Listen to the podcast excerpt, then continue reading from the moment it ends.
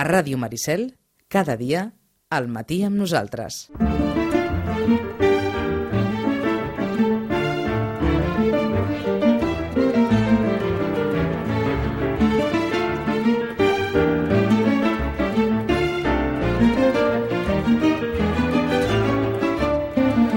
Una setmana en la qual ha estat eh, protagonista un home en a qui, entre altres coses, li agradava jugar molt amb les paraules.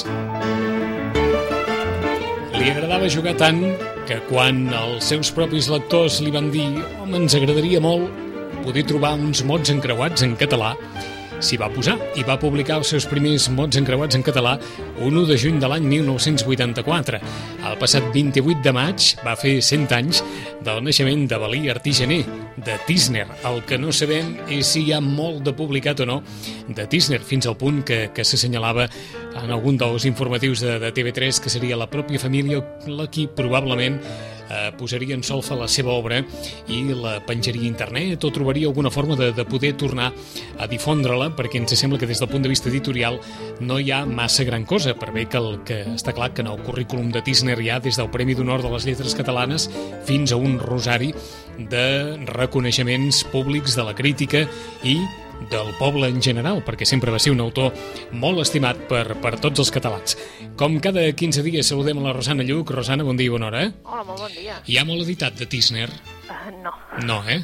No, bé, ara s'ha fet una edició amb butxaca uh, que diu les paraules del botó amb el vell.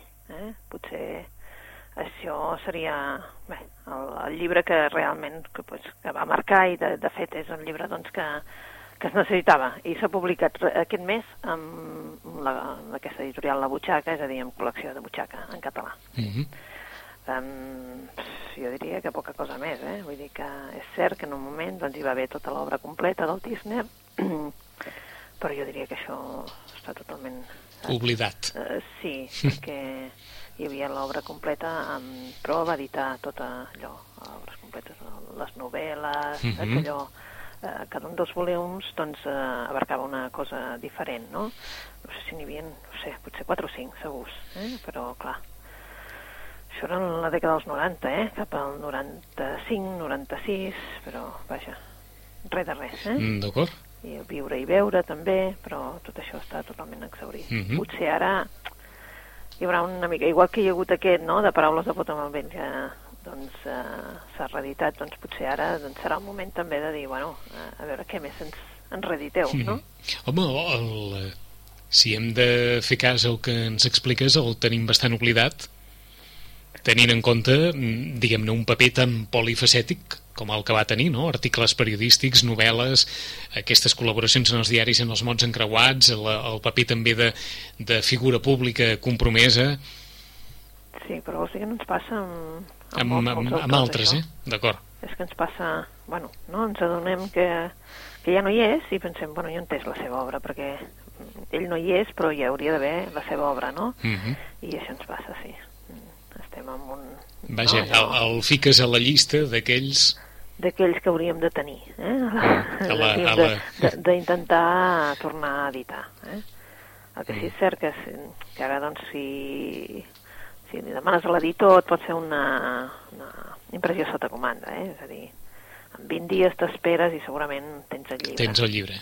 Passa que, clar, no Sí, és això el que no- pretenem, no és eh? això, d'acord. Això, això el tens per tu, no? Mm -hmm. Però, clar, el fet de, de posar sobre la taula una altra vegada, no? Uh, perquè hem posat tots a la taula, suposo, les paraules del Potó amb el vell, no? És a dir, bueno, uh, cent anys, però, vull dir, ell està present aquí, no? Mm -hmm. Perquè, a més a més, és un senyor, doncs, que això, no? Que Sitges també el tenia molt present, Sí. no? I, bueno, eh, Eh, T'ho pregunto perquè, vaja, sembla que, que l'homenatge gairebé més popular que se li ha fet a Tisner ha estat aquest, eh, aquest joc de Scrabble sí, que es va fer multitudinari perquè eh, diguem-ne que, era un, que va ser un dels impulsors de la- de l'Scrabble en català i, i que per tant tot això que fa referència als jocs de paraules que, que té molts seguidors i molts fidels ha estat eh, l'excusa perfecta per poder recordar sí, per eh, poder-lo Tisner, recordar amb ell, no? Ah, Sí, sí, sí. I, a més a més, vull dir, bueno, suposo que tu sí el recordes, no? Vull dir... a part de la, a part de la seva imatge Sí. eh, Sí, a part de la seva imatge, tal? doncs, a més a més era una persona molt agradable, molt, molt irònica, molt, molt punyent. irònica, no? Uh Mhm. Gran conversadora, vull dir, és, allò que dius, quina llàstima, no? Mm. Però bueno, mm. Doncs al- algun dia t'haurem de fer fer allò de, de, la, La de la llista de, dels llibres de capçalera en literatura catalana i, i a veure què, què, què tenim i què no tenim, què tenim i què no tenim. no? Eh, escolta, sí, sí, sí, Mm. perquè, bueno, aquest any ja sabeu també que Com, fa, com si et doncs, preguntéssim, en Rosana, allò, allò que s'ha de llegir, o, eh, tantes col·leccions que, allò, que hi ha de, de les 100 pel·lícules que deberies sí. ver antes de morir, molt bé. Doncs els 100 llibres catalans que, que haurien d'estar sempre presents en algun moment o altre per, Sí, per ser que llegits, hauríem no? de tenir, no? Que Aquí està. més o menys hauríem de tenir en el sentit de presents, eh? No, tampoc no cal que els teníem ah, exacte. allò que diem. Bueno, No, no, jo què sé, des de, des de tirant-lo blanc fins al quadern gris. Jo, què sé, Exacte, jo- sí, per el exemple. que, el que dos, sortís, eh? no? No, ja no ho sé. Dos, eh? Ja en tenim dos, Ja en segurament, tenim no? dos, eh? Sí, però per exemple avui, aquest any que se celebra doncs, també l'any Caldés, eh? Mhm. Disner Caldés, vale? Uh, aquest, mm, també aquest fet de, de dir, bueno, doncs uh, també es farà un arreu, a tot arreu intentaran també doncs, donar una mica de, no? De, de, de desempolsegar una mica la... Desempolsegar una mica el tema Caldés, també, perquè un autor tan important també i que, que costa, no? Vull dir, que només hi és amb les col·leccions, realment, l'altre dia m'ho preguntava i pensava, bueno, sort que també l'editorial La Butxaca ha fet tots els contes de Caldés amb un llibre fet amb tapa dura, Mhm. és en butxaca, sí, però és una butxaca molt decent, perquè porta tapa dura, no? I com a mínim per un preu molt raonable, per 12,50, em sembla, una cosa així, doncs tens tots els contes de Caldés, i esclar, tu te'ls llegeixes i són fascinants. Mhm. Sembla mentida perquè no són escriptors tan llunyans en el temps. No. No, però, bueno, ja Mm. veus, no? Sí, sí. Publiquem tant, Publiquem tant i tant. sí, publiquem i tant, i que potser no dona temps, no?, a, a, a recuperar aquests i llavors, clar, estem aquesta dictadura de mercat que, que imposa que anem tan ràpids, tan ràpids, tan ràpids, i sí, sí, ja anem ràpids publicant i tal, però, és clar no podem absorbir tant. Mhm. Llavors, passa aquestes cosetes, Que eh? anem, anem tan ràpids publicant que no tenim temps per recordar els clàssics, eh? Sí, sí, exacte. Mm, Vaja. Havíem parlat mai de La muerte llega a Pemberley? No, no n'havíem parlat. eh, Quin, quin títol més de, que, que diré jo, de, de supervendes així tipus Victoria Holt o, o coses d'aquestes, eh?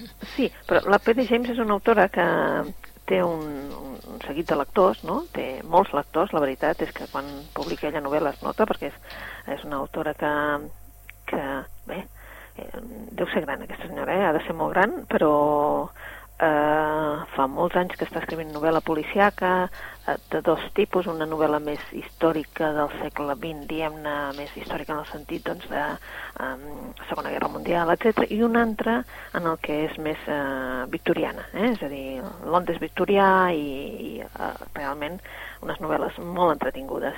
I ara ens apareix amb aquesta, La muerte llega a Pemberley, i en definitiva, què és això? Doncs és un homenatge d'ella, jo crec, a, a, la, a, a la Jane Austen, Mhm. amb Orgull i Prejudici, no? I llavors, clar, eh, què vol fer aquí? Doncs el que fa realment és eh, una mica, no?, situar-nos en l'any en, el, en el 1803, a Pemberley, no?, i de fet, doncs ja, ja tenim a l'Elisabeth i el Mr. Darcy ja casats i doncs allò, doncs creant una atmosfera d'allò quasi perfecta, no?, perquè els que hem llegit Orgull i Prejudici ja sabem, no?, aquest Mr. Darcy, no?, que semblava una cosa, després n'era una altra, etc etc.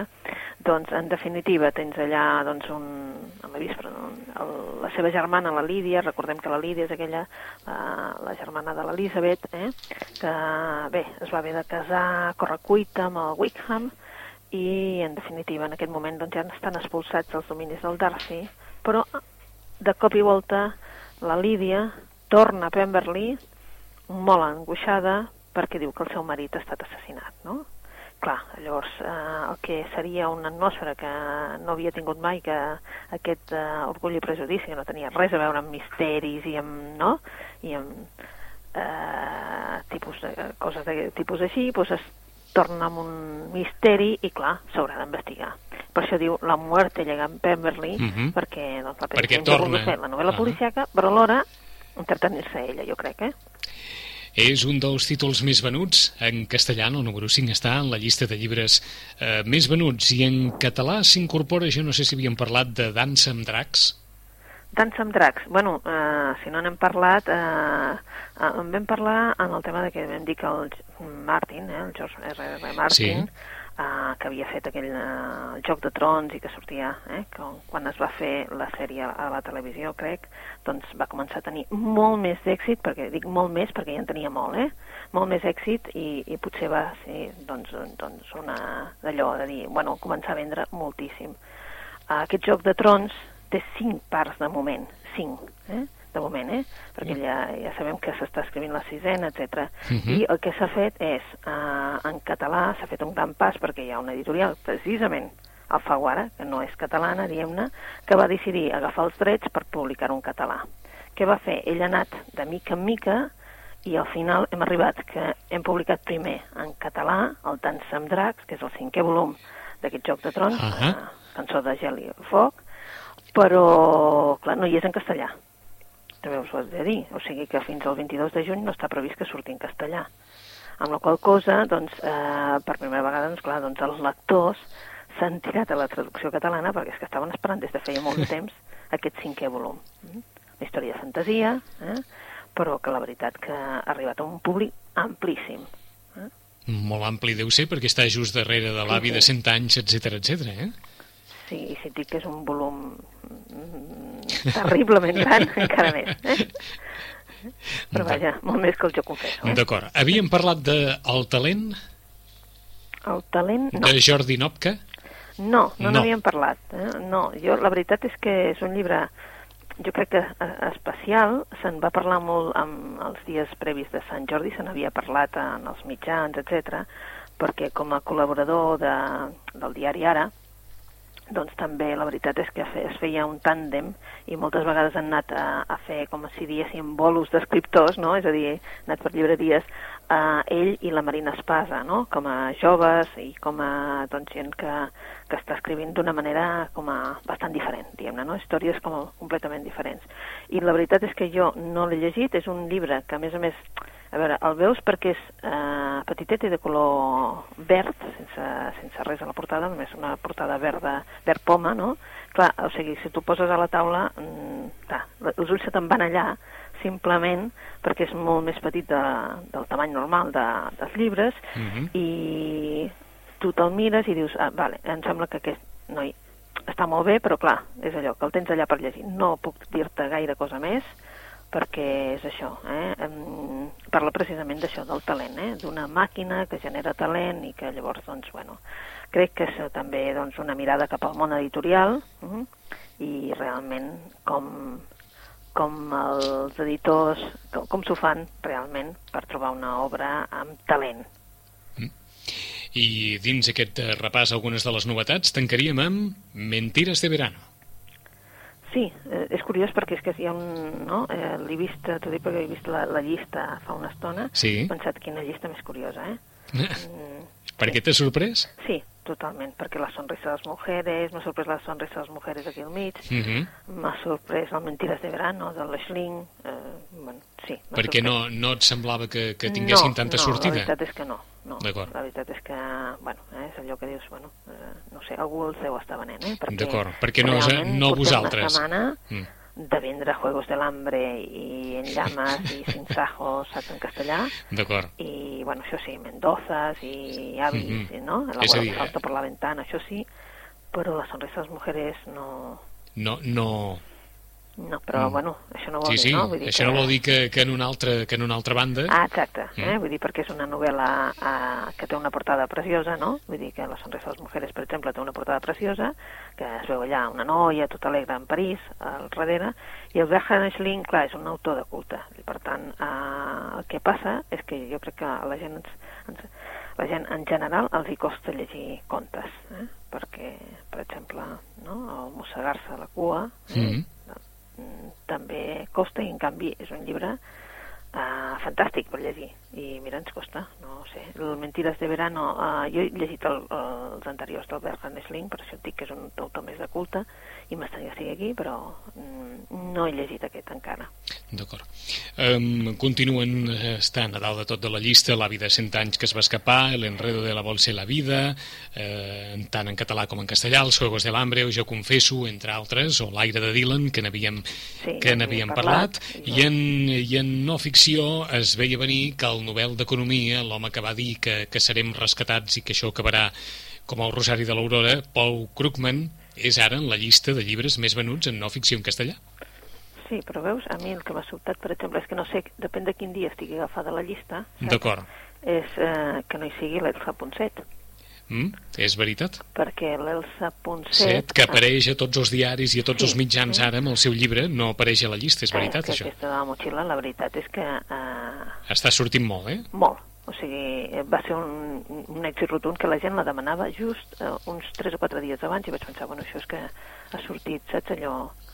ha sortit eh, en algun lloc. Mhm. I sí, sí, clar, eh, una motxilla per a l'universo eh, descaradament, vull dir, és per nosaltres el més venut, per això et dic que depèn de quan hagin tallat la llista, eh, també, però sí que és cert, clar, que el Paul Krugman estigui en el primer, home, és que això de la crisi és que ja no sabem com parlar-ne, no? O, o, o si realment ja hem d'abandonar de parlar de, de crisi, perquè està en boca de tots i, per tant, bueno, si ens aporten una solució, nosaltres ràpidament diem, a veure, no? A veure què, eh? com, Eh, com hem de fer això? Perquè en el cas de, del llibre de l'Elsa Ponset, mm, s'ha venut pel llibre o s'ha venut pel, pel cognom? Uh, jo crec que pel llibre, no? Pel llibre, perquè els altres de l'Elsa Ponset s'han venut, sí, però discretament, no d'aquesta manera, o sigui, que la primera setmana ja tothom, bum, no? Allò, i que t'ho demanessin abans de que sortís, saps? O sigui, devia sortir, això sí, és veritat, en els mitjans de comunicació, ens entenem per això, eh? Uh -huh. sigui, sigui mm, ràdio, sigui televisió, abans que en els diaris, perquè doncs l'efecte és immediat, no? És com si l'haguessin escoltat i haguessin dit, bueno, vo- volem saber què diu, no? Sí. Mm, i, I, clar, eh, ja et dic que ha sigut eh, com el best-seller aquesta setmana. Eh? D'acord, doncs una motxilla para un universo Sí. és venut, o almenys la Rosana ens diu que ha estat un dels llibres més venuts. Aquest, aquest tema de gestionar emocions, eh? Uh -huh. La gent que pensi que no, no té res a veure amb l'univers en el sentit que és un llibre de gestió d'emocions, Uh -huh. Vaja, que també... s'estan sortint molt, eh, suposo? Sí. Autoajudes i coses Molt, d'aquestes? Molt, molt, sí, sí. Eh? Vull dir, eh, les emocions tòxiques, que s'ha tra- traduït també al català, saps això? És això, eh? Mhm. emocions. De fet, en el fons, l'avi de 100 anys també és un llibre d'emocions, eh? Ah, sí, sí, diferent. Diferent, eh? Però, Diferent, però en el sí, fons sí. també allò de, del que prioritzem o no prioritzem Ah, tant i tal, tal. Sí, sí, exacte. Anem a fer un repàs a les recomanacions que ens pugui portar la Rosana. Per on comencem, Rosana? Doncs, bueno, no- és que no em recordo, no sé, potser tu recordaràs si vam parlar de La luz en casa de los demás. Jo no ho recordo. La llum a casa dels altres. Eh? És una novel·la entretinguda, és una novel·la que tu podries pensar que té un punt de tristor. Eh, ens parla d'una nena. La nena és la Mandorla. Eh? La Mandorla, eh, l'autora, la Chiara Gamberale, hi posen Mandorla, en mella, eh? Mhm. perquè era com una ametlleta, no? La seva mare va decidir que quan, era tan, quan era, va néixer era tan petitona que era com una ametlleta.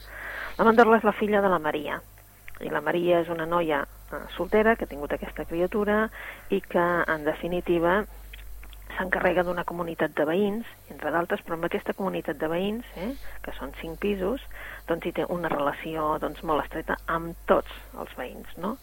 Uh, això fa que, bé, un dia té un accident de moto i la mandorla eh, queda uh, al cuidado d'aquests veïns. Què fan? Doncs com que hi ha una carta que té la mandorla que diu que ella eh, la van engendrar, diguéssim, a, en l'àtic d'aquests veïns, és a dir, en el traster, eh, dalt de Mhm. tot. Eh? Clar, a partir d'aquell moment, doncs, eh, uns per por, uns altres per d'això, decideixen, perquè tots es miren a veure qui pot ser el pare d'aquesta nena, de tots els veïns, i al final es decideix que tots l'adoptaran. És a dir, que queda adoptada per tota la comunitat i el que fa és que hi ha una senyora, que és la, la senyora gran, que viu a sota, que és una senyora soltera, que havia estat mestra, etc etc i serà qui primer, diguéssim, l'agafa a casa seva, però aniran passant per tots els pisos. Haig d'entendre, Rosana, que ningú donarà a conèixer la mandorla que és filla... No, Mm, clar. D'acord, Aquest és el drama de la mandorla. Ella Ah, entesos. saber qui és el seu pare Uh -huh. i creix amb aquesta, saps, de dir qui és el meu pare. És una nena diferent, clar, és una nena que ningú li ha ensenyat doncs, a vestir-se com els altres nens. Llavors té aquest problema a l'institut, no?, que ella veu que que hi ha uns nens que triomfen i tal, i que van vestits, però que a ella no li importa gaire, però que ella va vestit de diferent. Llavors, clar, és que diguéssim que depèn del pis en què estigui, doncs clar, ha de seguir els criteris de... de eh? D'acord, de cadascuna de les... De, Ah, diguem-ne, exacte, de, cadascuna de les famílies són molt, famílies molt diferents, Ah, eh? de, cada, Des de dels cadascuna de- que- d'aquestes famílies adoptants ha de seguir el criteri de cadascuna d'elles, vaja. Clar, perquè és que hi ha doncs, des del enginyer Barilla, que és el de dalt de tot, una família, saps, benestant, clàssica, etc. En, el, en canvi, en el segon hi viuen una parella de dos nois que es van casar i, clar, i són tot, eh, saps? Vull dir, ells voldrien Mhm. saber qui és el pare, o sigui, clar, un malfia de l'altre, mm, saps? Eh, eh, després hi ha dos que, que seran, que se separaran després per un lío d'aquests, un altre que, eh, bueno, que sempre estan discutint, una parella que sempre està discutint, però que en canvi s'avenen moltíssim. És, clar, veus doncs totes les capes de lo que podria ser el tipus de parelles, és a dir, tot el... Eh? I a més a més, doncs, amb ella aquí al mig. A mi m'ha recordat, en certa manera, en certa manera, a l'elegància de l'Arissó. Mm? I la veritat és que és una novel·la entretinguda, una novel·la que de seguida te l'empasses i té aquests moments eh, divertits i a la vegada, doncs, agradolços, eh, perquè, és clar, doncs aquesta nena va creixent, eh? fins que arribarà als 18. Eh? Va D'acord. creixent mm, i s'ha d'enamorar i s'ha de... No? Ha de passar per totes les etapes. Perquè la novel·la arriba fins al final de la vida o no? No, no, no, arriba no, eh? fins que ella té di- 18 anys. 18 anys. D'acord. Eh? No, eh? I, bé, el, que ha estat sempre potser una necessitat, al final potser tampoc no és tanta necessitat, no? Mhm. És una novel·la, doncs, molt entretinguda. La llum a casa dels altres de Chiara Gamberale a partir de la història de la Mandorla, filla de la Maria, mare soltera que està en una porteria en relació amb tots els veïns, la Maria mor i la comunitat de decideix adoptar a la Mandorla sense dir-li que és filla de dalt de tot, d'algú de l'àtic. la carta, però no queda Ahà. clar qui, qui pot ser, eh? Exacte, doncs aquesta història ben enigmàtica que té molt d'emocional també és la primera recomanació de la Rosana, la segona La segona. La segona seria d'un autor que ja ens va escriure uh, una, novel·la que es deia El sopar, vale? en aquella hi havia dues parelles, vale? que eren, diguem que eren uh, cunyats, eh? i en definitiva tenien un tema sobre la taula, eh? va ser un sopar molt especial, perquè tenia un tema sobre la taula i era que eh, doncs la violència dels fills, no? I com un pare pot eh, amagar tot això. Eh? uh -huh. Uh, bé, ara ens presenta aquest mateix autor, Herman Koch, ens presenta una casa amb piscina. Eh? És uh, també una altra història, una història, diguem-ne, una història sobre la venjança, sobre la família i, i també una altra vegada doncs, aquestes portes legals, no? les portes del sistema legal que, que estan tancades. Eh? Um, és un metge ara, el metge és el Marc Schlosser, escolta a l'hospital uh, les últimes paraules d'un dels seus pacients. Eh? Mhm. Aquest senyor està a punt de mirar, de morir, perdó, però, clar, no és un pacient qualsevol, ni potser la seva mort, potser tampoc no és una mort tan natural com podria semblar. Uh, aquell és l'home amb qui la família del metge va passar les últimes vacances d'estiu. Eh? Hi havia una casa, una piscina... El que passa és que eh, totes les pàgines volem saber saber què va passar en aquella casa eh? I per què algú diguéssim, ha de ser esborrat, és a dir, ha de morir per esborrar-ne tot aquest record. Eh?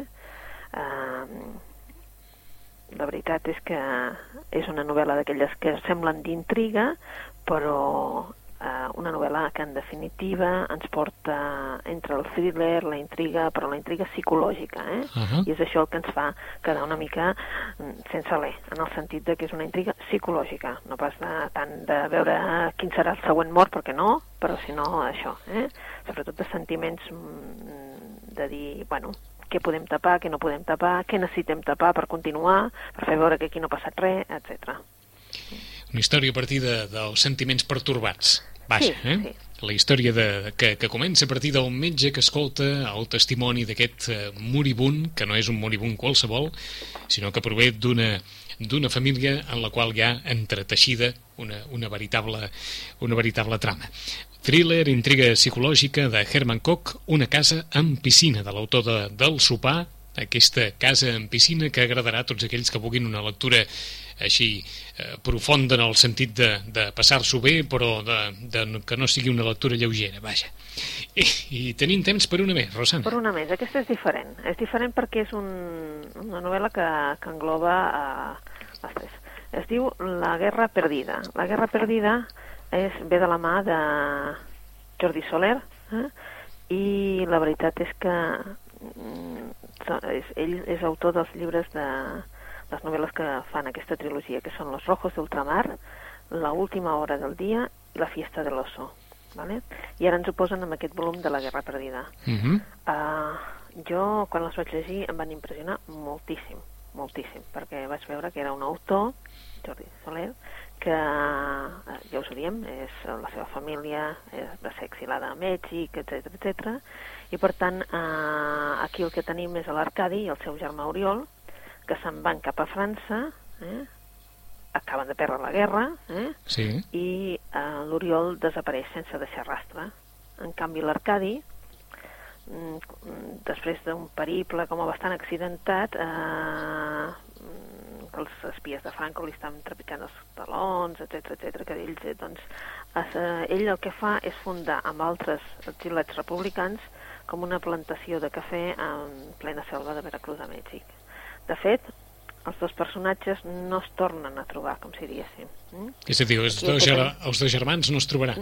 No, no, no, no, no. O sigui, l'Oriol mm, desapareix i l'Arcadi, doncs, eh, escapa, no? Uh -huh. I l'Oriol eh, desapareix, però, eh, bueno, ja veurem que l'Oriol no és que desapareixi, perquè en una de les novel·les, en l'última, en La fiesta de l'oso, és com si una neboda tingués necessitat de saber què va passar amb el seu oncle. I torna aquí, i el que doncs, hi aconsegueix saber és, mm, potser tampoc, saps? Vull dir, és eh, frapant. Vale? Perquè una persona que semblava, que ajudava, etc etc, doncs es converteix com un animaló. Mm? És unes, són tres novel·les que ara tenim la sort de tenir-les reunides, allò que passa que després si no es perden, etc. Uh, una sé que la van publicar en butxaca, però les altres dues no, i si voleu llegir una història diferent eh, sobre això, sobre el, sobre la que van perdre, -huh. perdre la guerra, d'aquells que van haver de marxar del país i d'aquests que es van exilar sobretot cap a Mèxic, no? Doncs aquesta és una de les novel·les. No tant experiència personal, sinó una ficció a través d'això, eh? Uh -huh. I com deies, una trilogia, una trilogia. editada d'un cop, eh? Exacte, eh? que és una novel·la... Los Rojos d'Ultramar, quan es va editar, mmm, vam dir, carai, no? Uh -huh. uh, després s'edita l'última hora de l'oso, el que passa que Los Rojos d'Ultramar es va editar per una editorial, per Alfaguara. Llavors, l'última hora del dia també, i llavors la fiesta de l'oso es va editar per Mondadori. Clar, això fa que que mm, si no estan a la mateixa editorial costa una mica doncs, després reunir-les, de que es faci reedició, etc. I ara el que ha fet Mondadori és agafar-les i posar-les totes tres en un sol volum que es diu La guerra perdida. D'acord. Doncs fem un repàs a les recomanacions que ens ha fet eh, la Rosana, La llum a casa dels altres, de Chiara Gamberale, la història d'aquesta noia, de la Mandorla, que va quedar òrfana de mare, no coneixia el pare tampoc, però els veïns sí que saben qui és el seu pare, però no li diran i es convertiran en eh, les seves famílies adoptives fins que no tingui 18 anys. De l'autor del sopar de Herman Koch, Una casa amb piscina, la història d'aquest metge que escolta el testimoni d'un moribund, que no és un moribund qualsevol, sinó que amaga també un, un entramat familiar diguem-ne, digne d'una novel·la. I finalment aquesta trilogia que s'ha editat ara en un volum dels perdedors de la guerra, dels que es van haver d'exilar, però com deia eh, la Rosana, no en un relat habitual com, com coneixem, La guerra perdida, eh, de Jordi Soler, acabada d'editar també La guerra perdida és el títol genèric d'aquesta trilogia editada en un sol volum. Són algunes de les eh, recomanacions, però com ens deia la Rosani, dins dels llibres més venuts, els que no apareixen aquí, i trobaríem, per exemple, aquesta Una motxilla per a un universo de la Elsa Ponset. En 15 dies hi tornarem, com sempre, per fer un repàs a les principals novetats literàries. Rosana, gràcies. Gràcies a vosaltres. Fins d'aquí 15 dies. Molt bona lectura.